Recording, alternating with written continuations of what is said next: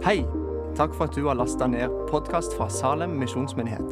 For å finne ut mer om oss, besøk vår hjemmeside salem.as. Tusen hjertelig takk for, eh, for sangen. Det var jo midt i påska, tenker jeg, den siste sangen der. For en nydelig, for en nydelig tekst skrevet av Bjørn Eidsvåg. Straffen lå på deg, nåden bærer meg. Mitt navn er Ellen Merete Drønen. Hvis du er ny her, så kan jeg eh, kort presentere meg og si at jeg jobber her i Salem. Eh, jeg har ansvar for hovedsakelig ungdomsarbeidet og så litt andre ting i tillegg, bl.a. å forkynne her på gudstjeneste. Og vi er i en serie som starta i eh, om det var siste uka i januar eller først i februar. Eh, men det handler om trosbekjennelsen. Den apostoliske trosbekjennelsen som kan spores tilbake til i hvert fall til år 400. De mener å finne det eh, rundt år 300. Eh, og det er Jeg sa når jeg skulle snakke med barna om det, at det er ei regle, eller en rapp, om du vil, som, eh, som liksom har summert vår tro. Det er ikke en hellig skrift. Eh, det er Bibelen. Men det, har, det er liksom en, en, sum av vår tro. Og vi opplever det at, uh, at, det er viktig å holde det høyt. Hva er det egentlig vi tror på? Vi skal reise oss og eh, bekjenne eh, vår tro sammen. Trosbekjennelsen kommer opp på veggen. Jeg tror på Gud Fader, den allmektige himmelens og jordens skaper. Jeg tror på Jesus Kristus, Guds enbårne sønn, vår Herre, som ble unnfanget ved Den hellige ånd, født av jomfru Maria, pint under Pontius Pilatus, korsfestet, død og begravet, for ned til dødsriket, sto opp fra de døde tredje dag, for opp til himmelen, sitter ved Guds, den allmektige Faders høyre hånd, skal derfra komme igjen for å dømme levende og døde. Jeg tror på Den hellige ånd, en hellig allmenn kirke, de hellige samfunn, syndenes forlatelse, legemets oppstandelse og det evige liv. Amen. Vær så god og sitt. Eh, vi prøvde å time eh, de ulike artiklene i trosbekjennelsen, sånn at det passa liksom inn med høytidene. Og det gjorde det i påska. I dag så eh, er det min oppgave å gå gjennom det som kalles for sjette trosartikkel. Og det, da er vi på et vis litt tidlig ute i forhold til noen dager som kommer, som er Kristi himmelfartsdag. Så eh, hvis du skal bort på hytta Kristi himmelfartsdag, så har du fått i dag. Kan vi si det sånn? um, sjette trosartikkel den lyder sånn. For opp til himmelen. Det er Jesus vi snakker om. Sitter ved Guds, um, Guds den allmektige Faders høyre hånd.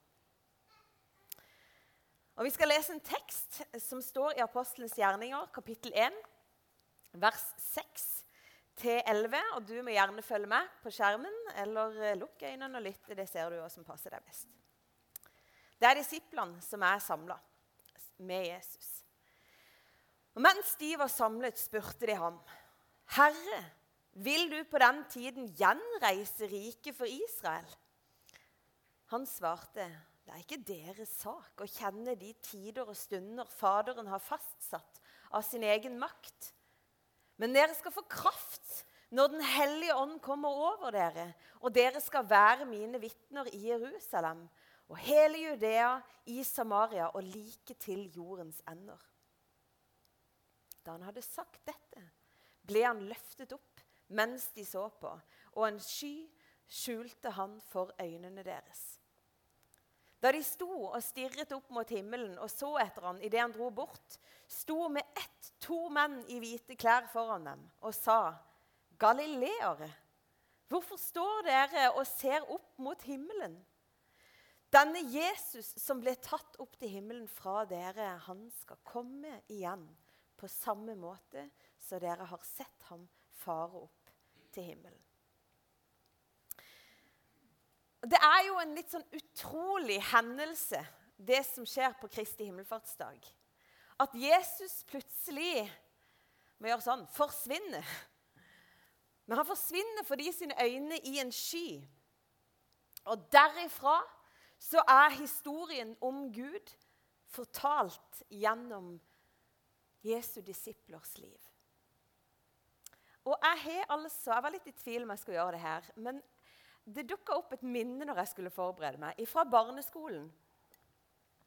Og Jeg husker ikke hvilken klasse det var, men jeg tilhører altså eh, eh, eh, den gruppa som fikk lov til å ha kristendom på barneskolen. Det var ikke KRL eller KRLE eller RLE eller alt det som de vært igjennom. Vi hadde kristendom. Eh, og det var eh, bibelhistorien. Og så eh, endte det opp veldig veldig ofte på ordet skole på lista.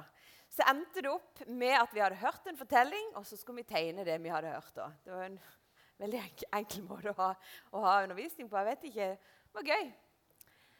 Og så husker jeg altså tegninga mi så veldig godt fra Kristi himmelfartsdag. Så den har jeg altså fått gjengitt. Eh, og han kom opp på skjermen sånn cirka sånn som det var. Men det var liksom Kristi himmelfartsdag. Det var, det var Jesus som ble altså Jeg så tydeligvis for meg skyen som en slags heis hvor han sto. Og så så jeg nok for meg at det gikk litt sakte, helt til de ikke kunne se han. Og så var det jo hadet, da. Eh, og veldig triste disipler og veldig glad i Jesus. For nå hadde han liksom gjort ferdig det han skulle, og nå tok han skyheisen opp. Eh, og det er jo litt sånn, sånn altså, Det er jo virkelig noe å tenke på. Hvordan oppfatter vi det vi leser? Som barn Jeg vet ikke om jeg var sju eller om jeg var ti, men i hvert fall så har jeg tenkt sånn om det. Kanskje får vi noen nye tanker i dag. Du kan ta vekk bildet, så ikke det blir det som huskes best. Men Jesus har altså lidd døden på korset. Straffen lå på ham, nåden bærer oss. Han er stått opp ifra det døde, og han har vist seg for disiplene. Graven er tom, og Jesus lever. Og det må ha vært spesielle dager for disiplene I liksom denne etter at han er stått opp, og noen har sett han. Etter hvert så har nok de elleve, eh, foruten Judas, som liksom var den tolvte, men de har sett han. Og det står et sted at det er i hvert fall 500, og det er antageligvis menn, og så er det sikkert kvinner og barn i tillegg, men de har vitna om at de har sett han. Og de må ha hatt, det må liksom ha vekka masse forskjellige følelser denne tida her. Glade, letta, Forundra kunne det være at det vi, han hadde altså Det var jo det han sa, men tenk at vi ikke trodde på det. Og, altså Wow! Det er mye følelse i spill når du skjønner at Jesus er stått opp fra de døde, at han er den han sier at han er. Og så kan det være at det er litt skremmende for noen. Det er det jo blant dere òg. De av oss som er utrusta med en god porsjon med skepsis. Altså, Hvordan kan dette ha skjedd? Hva kan ha skjedd? Altså, Er det mulig? Hvis vi tenker på eh, altså, naturlovene, så er jo ikke dette mulig. Det her må da finnes en naturlig forklaring. Noe er forandra i måten de møter Jesus på etter at han er stått opp. Det er noe som er forandra. Maria, som har hatt virkelig en nær relasjon med Jesus, hun kjenner han ikke igjen med en gang. Hun møter han, og så tror hun at det er gartneren. Og hun skjønner ikke før han sier navnet sitt. Så forstår hun at det er han. Plutselig så kom han midt iblant disiplene. Plutselig ser han der ikke. Det er merkelig. Og så har jeg tenkt at kanskje det var noen som tenkte og var redde for at han hadde lurt dem. Har jeg blitt lurt? Kan jeg tro på det jeg ser? Kan jeg tro på det jeg har erfart? Kan jeg tro på de naglemerka hendene? Kan jeg ha opplevd dette? Og det høres jo egentlig ut som et veldig vanlig kristenliv. At vi varierer litt imellom dette. Litt glade, litt letta. Så er vi oppe, og så er vi skeptiske. Og så kommer tvilen, og så kommer troen. Og så plutselig så ser vi han, og så ser vi han ikke. Og så gjenkjenner vi han, og så skjønner vi ikke hvem det er som snakker til oss. Sånn tror jeg at disiplene sitt liv var. Særlig i de 40 dagene mellom grav og Kristi himmelfart. I hvert fall så kommer, så kommer denne dagen hvor, eh, hvor han er sammen med dem. Og så står det at I de dagene etter han var stått opp, så snakker han mye til dem om Guds rike. Om at Guds rike er midt iblant dere. Guds rike er tilgjengelig. Det er en evighet. Det er noe som er viktig. Og så ser det ut til å være en litt sånn, sånn situasjon vi kommer inn i historien. da. Hvor han snakker med dem. Og disiplene er veldig opptatt av Israel. De er fortsatt veldig opptatt av Israel. De skuer nok litt for det er veldig sterke symboler rundt korset. De skjønner at Jesus er Messias. Og For dem så betyr det at det er han som skal redde Israel. Og de har sett at han har brakt Guds rike til dem. Det har vært helbredelse, det har vært under og sterke tegn. De har sett han dø, og nå møter de den oppstandende. Og så skjønner de bedre enn vi kanskje gjør, symbolikken i at han var et soningsoffer. For de skjønner det, hva det betyr at et lam måtte gi livet sitt for noen sin synd. Men så er de veldig opptatt av Israel. da. Hva med Israel nå, Jesus? Skal vi bli fri fra romerne? Når skal du befri oss? Og så sier Jesus altså, altså, Det er ingen som kjenner den tida, og dere har ikke helt skjønt hva Gud tenker her. Men dere skal få kraft fra Den hellige ånd, og så skal dere være mine vitner. Så skal dere fortelle om meg. Og igjen så er det sånn at mennesker tenker litt smått, syns jeg, når jeg leser det. De er veldig opptatt av Israel, av oss. Vi! Når skal vi bli fri? Når skal romerne miste på en måte makten over oss? Når skal vi igjen få det lovede landet? Og så er det liksom Igjen er vi mennesker. Vi tenker for smått. For Guds frelsesplan var større. Og så det, skjer det mens de ser på at Jesus blir løfta opp, og en sky skjuler han for øynene de sine. Og Jeg viste bildet fra jeg var barn. Jeg tenkte på dette med at han ble løfta opp. Skyen var heisen, og det gikk sakte. Det så jeg liksom for meg. Vi kan tenke at Bibelen er et speil. Jeg er på innledende runde. Altså, jeg, ja. Bibelen er et speil. I, I, Bibelen der blir Gud speila for meg, så jeg kan lese om han. I Bibelen så er det sånn at historiene forteller hvem Gud er. Og så forteller det meg Det speiler meg på en måte. For det speiler mennesket, både hvor mangelfulle vi er, og hvor verdifulle vi er i Guds øyne. Det er et speil. Bibelen speiler en nåtid, og så speiler det en framtid. En dag skal Jesus komme igjen. Der ligger en evighet foran oss. Og så speiler det en fortid. Og det gjør denne historien her. I denne historien så er hendelsen med skyen at Jesus forsvinner ved en sky. Det er et speil inn i fortida for de israelittene og jødene som står og ser på.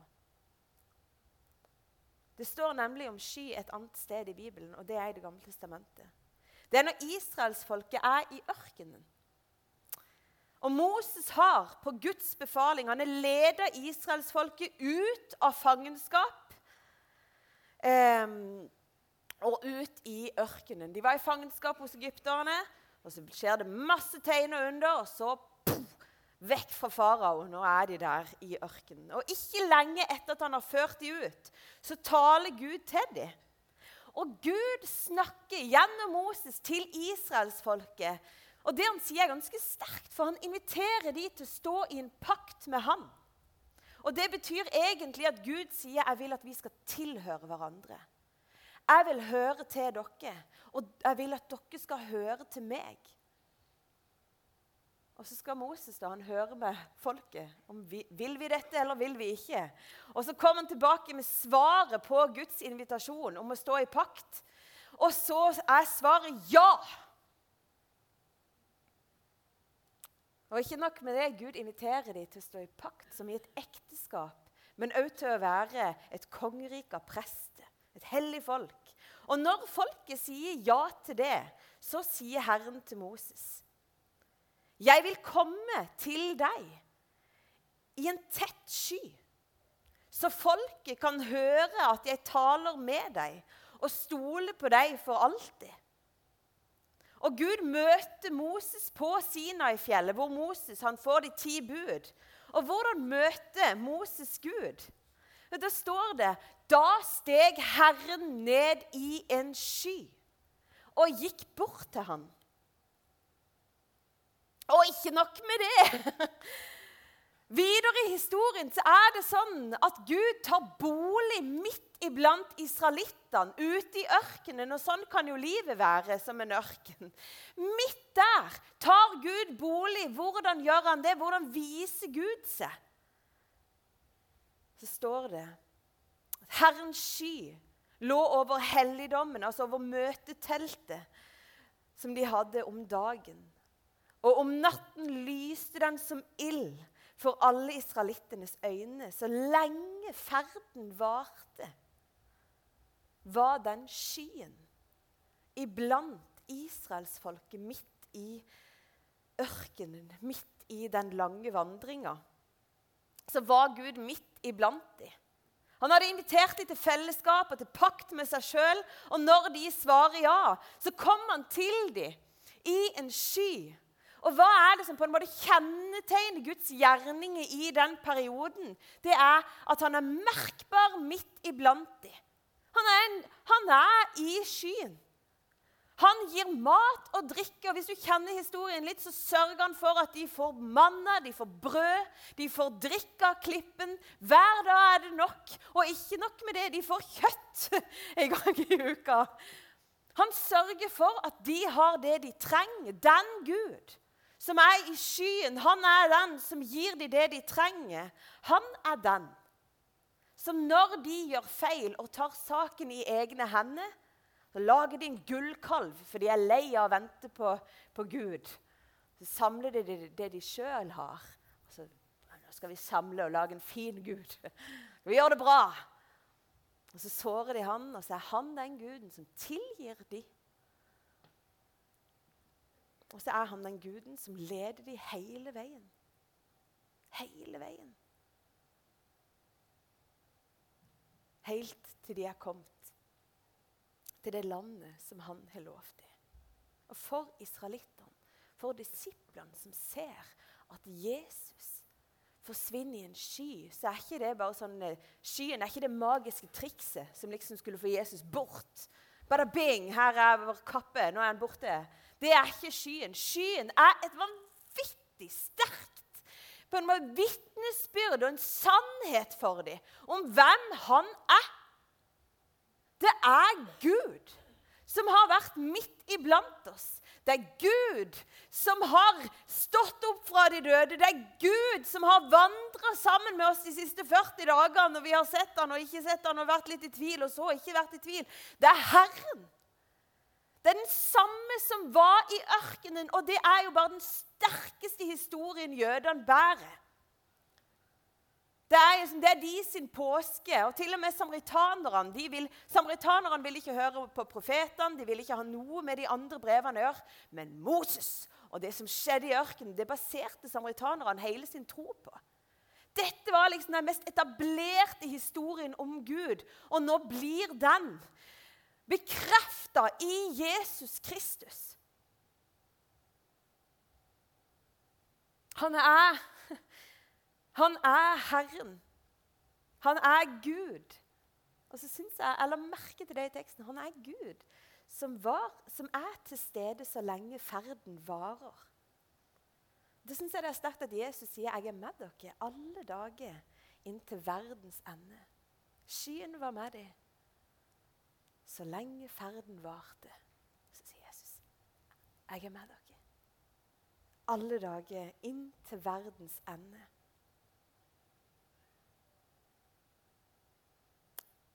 Det er den samme guden. Og det må ha vært må ha vært så spesielt for dem å oppleve dette. Det de bare hadde liksom hørt. Altså, nesten sagnomsus, men det var jo ikke det. Det var jo troen, det var jo virkeligheten, det var historien. At skyen gjester oss. Han som er Gud, midt iblant oss. Og så står det han blir løfta opp. Løfta opp. Og Det er jo den artikkelen. Vi for opp til himmelen. Og så vil jeg gjerne si noe om dette med himmel, for vi bruker ordet himmel litt sånn at vi kan bli forvirra av og til. Og det står om himmel på mange forskjellige måter i Bibelen. Men det er For å bruke det tegninga mi igjen, da. Jeg, jeg, så jo for meg at Jesus hadde vært nede på jorda. Nå tok han skyheisen opp, og så ble han borte. Oppe i himmelen, langt vekk, skulle han tilbake til. Men når vi snakker om himmel, så kan vi, vi snakke om det stedet som er lovt oss når vi en gang går herifra. Himmelen er over oss. Det er langt utenfor det vi kan forstå. Og så bruker vi ordet himmel for å liksom si hvor er Gud? Han er i himmelen, og når vi snakker om det, så snakker vi faktisk om en helt annen dimensjon enn det vi kan forholde oss til. Vi forholder oss til noe som er veldig tidsbegrenset, til vår fødsel og død. Vi forholder oss til noe som er, det er konkret. det er... Ja, Vi er på et vis bare begrensa. Vi er veldig veldig begrensa i vårt hode på hva vi egentlig kan forstå. Og plutselig så går Jesus ifra å være menneske han hadde valgt seg sjøl inn i en sånn begrensning, og så går han ut av begrensninga og inn i Guds dimensjon. Og hva betyr det egentlig? Jo, det betyr at nå kler han av seg mennesket. Nå kler han av seg de begrensningene som han sjøl valgte å ha. Og så går han inn i den dimensjonen som Gud er. Og hvem er Gud? Han er alt i alle. Han er allstedsnærværende. Han er begynnelsen og slutten. Han er den som gir liv til alt som lever. Gud er til stede hele tida. Plutselig så er ikke det som skjer, at det er sånn der, ei eh, sky. Nå er Jesus her. Vips, er han vekke. Nå er han forsvunnet. Nei, han har bare tredd inn i den dimensjonen som gjør at nå er han overalt allstedsnærværende Gud. Og Dette er et veldig veldig sterkt vitnesbyrd om treenigheten.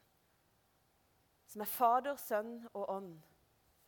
Og det er ganske vanvittig for vår eh, I hvert fall for min så er det sånn at sikringene sprenges når jeg prøver å forstå det. At Jesus i det øyeblikket så slutter han å være mennesker, kjøtt og blod, med alle de begrensningene som vi har. Og så går han inn i guddommen. Guddommens dimensjon. Og Egentlig så henger historien om Jesus sin himmelfart veldig sånn tett sammen med inkarnasjonen, med jula. For jula da feirer vi at vi er store Gud, vår store Gud som skapte alt, han lar seg sjøl altså bli så veldig veldig liten i Jesus Kristus som et lite menneske. Men det som skjer på himmelfartsdagen, er jo at han går tilbake til seg selv. Og Jesus sier han snakker med Nikodemus i Johannes kapittel 3, og så sier han ingen andre er steget opp til himmelen enn han som er steget ned fra himmelen det er menneskesønnen som er i himmelen. Og liksom Moses løfta slangen i ørkenen, slik skal også menneskesønnen løftes opp for at hver den som tror på ham, skal ha evig liv. Grunnen til at Jesus kunne gå tilbake til den himmelske guddommen, det var at det var egentlig derifra han kom. Det er én sann Gud fra evighet og til evighet. Og han er løfta opp ikke som en heis. Jeg tror ikke det er poenget med at sånn, så ble han løfta opp i den der skyheisen. Han ble løfta opp rett foran øynene de sine som Gud. Så ble han opphøya, så de kunne se hvem han egentlig er. Han er Gud. Han er den høyeste. Han er skaperen. Han er allstedsnærværende Gud. Og så står det det at han sitter ved Gud, den allmektige Faders høyre hånd. Jesus er gått inn i Guds dimensjon. Nå er han all nærværsgud, og så sitter han ved Guds høyre hånd. Hva betyr det? Det står i Romerne kapittel 8 at Kristus, Jesus, døde. Ja, mer enn det. Han sto opp og sitter ved Guds høyre hånd, og han går i forbønn for oss. Hvem kan skille oss fra Kristi kjærlighet? Ja, hvem kan det når han er allstedsnærværende? Han er nærmere deg enn synden din. Han er nærmere meg enn min egen hud. Han er allstedsnærværende. Og den høyre hånd Når det står at han sitter ved Faderens høyre hånd, så er den høyre hånda det er et, eh, et symbol og et tegn på makt, på den utøvende makten. Hvis noen satt ved den høyre hånden, så betyr det egentlig at de hadde, det var de som hadde gitt makt til å handle og tale på majesteten som majestet. Ikke på majestetens vegne, men som majestet fikk du lov til å tale. De fleste av dere styrer jo med høyre hånd, noen er med venstre. Men det er liksom det er selve symbolet på styrke og kraft. Og når Jesus tar sin plass, får sin plass, går tilbake til sin, til sin plass ved Faderens høyre hånd, så betyr det at Messias sin styringstid innledes. Meg er gitt all makt i himmel på jord, sier Jesus. Meg er gitt all makt i himmel og på jord. Nå er det ny styringstid. Han har overvunnet døden. Han har, årene underlagt seg alle makt og myndigheter. Han sitter og er maktutøvende. Han er nå regjerende. Han er seierherren. Han er den som troner. Han er majestet. Dette er vår konge. Det er han som er på tronen. Og Daniel, som er i Det gamle testamentet, han fikk et, et syn, eller en profeti, hvor han sier om Jesus, altså om menneskesønnen, så sier han fikk herredømme. Han fikk ære og rike, folk og stammer med ulike språk. Alle folkeslag skal tjene han. Hans velde er et evig velde. Det skal ikke forgå. Hans rike skal aldri gå til grunne. Og Peter sier det i første brev, at han for opp til himmelen. Nå sitter han ved Guds høyre hånd. Etter at engler, myndigheter og makter er han underlagt. At Jesus sitter Når vi sier det, Jesus sitter ved Gud, Faders, den allmektiges høyre hånd, så bare bekjenner vi at han regjerer. Han er kongen. Han for opp til himmelen og Det betyr ikke at han er langt borte. Nei, han er nær. Han har gått inn i Guds egen dimensjon, hvor han er nærmere oss enn vår egen puls. Han er livskraften. Han som er gitt all makt i himmel og på jord. Han er Gud. Og han er opphøya. Og jeg tenkte på det at det er så sterkt for meg at den høyeste Gud kommer ned til sin himmel og ned til oss som er enkle. Det kan være at du tenker at du ikke er så enkel, men i forhold til han så er du det. For det betyr at han som sitter med tronen Han som sitter med tronen Og Jeg tenkte på andre religioner. så tenker jeg at De er redde for guden. For Guden er jo så veldig annerledes. og Det er jo vår Gud. Gud er Gud, og vi er mennesker. Men Guden er liksom fremmed. Og de tenker at han er liksom, liksom han, han, vet egentlig ikke hvordan det er å være menneske, for Gud har alltid vært Gud, og mennesket har alltid vært Gud. Men vår Gud har vært menneske. Han som sitter på tronen. Han som alt er underlagt. Han som bare har lagt døden og alle djevler og demoner, og alt ligger under han. Han er prøvd i å ha det sånn som jeg har det. Han vet hvordan det er å være begrensa. Han vet hva smerte er, han vet hva sorg er. Han vet hva det er å kjempe med en livskamp. Han vet hvordan det er å kjempe med mine livskamper, fordi at han er båret. Han som er på tronen, han som regjerer. Altså, jeg tenker sånn når, jeg, når du først er Gud, så kunne du kanskje ha valgt å bare bli tilbedt. Altså tilbe meg, for jeg er Gud. Men, det, men han lar seg sjøl bli opphøyd først på et kors. Og det er en sånn frelser vi har. En frelser som er prøvd i alle ting.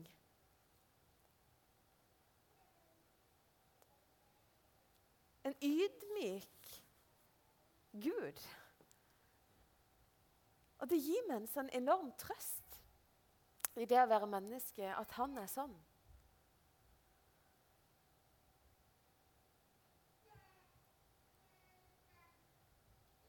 Og jeg tenker, jeg tenker som så At han som eh, Han som er en sann Gud fra evighet til evighet. Han som var i skyen, og som inviterte israelsfolket til å ha pakt med seg. Han har invitert oss til å ha pakt med seg. Og han lanserte sin pakt på Golgata, hvor han bare sier 'Jeg vil gi deg alt'. Du tror at du synger når du synger 'Jeg vil gi deg alt', men han har sagt det til deg. 'Jeg vil gi deg alt'. Jeg har gitt deg alt. Jeg har båret alt for deg. Han bare lanserer sin pakt. En sånn Gud er det. Og Han er den samme guden som var i skyen, og som sørga for at de hadde det de trengte. Han vil gi deg nå alt det du trenger. Den samme guden som tilga de det de gjorde når de hadde kjossa det til med kobberkalv og gullkalv, eller hva det var for noe, og som tilga de, han vil tilgi deg. Han tilgir deg at du har tatt alt i dine egne hender og bare kjørt det helt på trynet. Det går helt fint, det. går ikke helt fint, men han tar det. Han har tatt det. Og den samme Gud som leder de helt fram, han vil lede deg helt fram. Han leder deg nå i dette livet, steg for steg, som han leder de, og han leder de inn i det lovede landet, og han vil lede deg hver dag. Så vil han lede deg helt over. Til du er der hvor han er.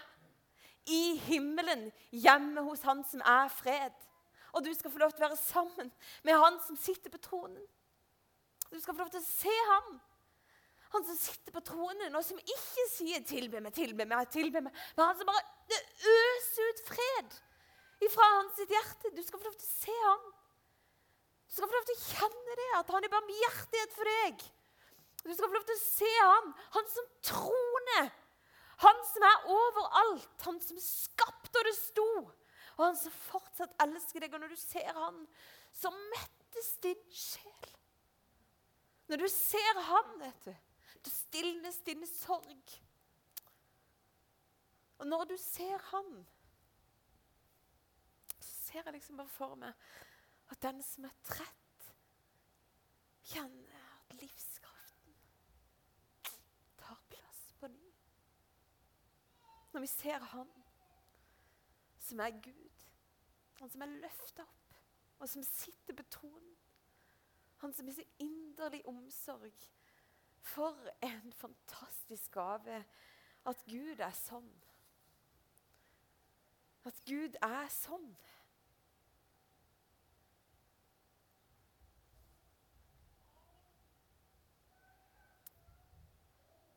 Dette livet er jo veldig ofte som en slags ørken. Og vi kan kjenne at det er mangelfullt, men jeg tror det at i dag kan vi få lov til å se han. Og jeg tror at i dag kan vi få lov til å møte han. Han er løfta opp. I dag tror jeg han kan bli løfta opp foran våre øyne. Det må ha vært vanvittig for disiplene som plutselig var Å, der er han! Der er han som vi bare har hørt om. Der er han som vi bare har lært om. Der er han som vi valgte å tro på fordi at våre foreldre fortalte oss om det. Men plutselig er han oppløfta. Så er han forklart for dem rett foran øynene de sine. Og så kan du få lov til å kjenne at han er majestet. At han sitter ved Gud Faders høyre hånd, og at han er all makt i himmel og på jord. og Derfor kan han ta tak i det som er vanskelig for deg, hvis du gir det til han. Fordi at han er Gud. Fordi at han er på tronen. Og hva enn du har bruk for å bringe til han, kan du ikke bare gjøre det. Og nå er vi her. Jeg har lyst til, ja, vet du hva jeg tenker? Nå er vi her.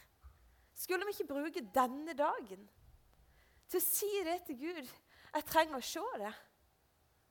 Og jeg trenger deg til å være majestet i mitt liv. Og Nå skal vi gå inn i tilbedelse. Dere må gjerne bare komme opp. Men, men det er tilbedelse.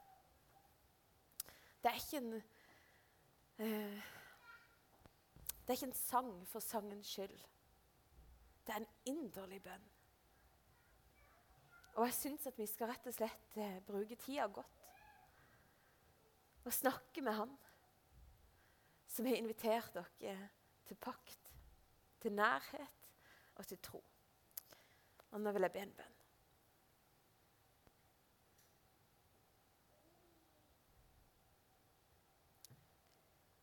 Jesus, du, du regjerer. Du er konge. Og du vet hvordan vi har det. Kanskje litt sånn som disiplene hadde det. Litt tro, litt tvil, litt glede, litt sorg. Du vet hvordan livene våre er, Herre. Jeg ber om at du skal bli akkurat som du ble for deg, forklart, Herre, rett foran øynene. Jeg ber om at vi skal få se deg i dag, Herre, og jeg ber deg om at du skal åpenbare for oss at du er all makt i himmel og på jord. Og jeg ber om at du skal gi oss mot til å løfte oss sjøl og våre egne liv opp for deg. Du vet hva vi trenger, Herre. Og nå ber jeg om ditt nærvær over hver enkelt i Jesu navn. Amen.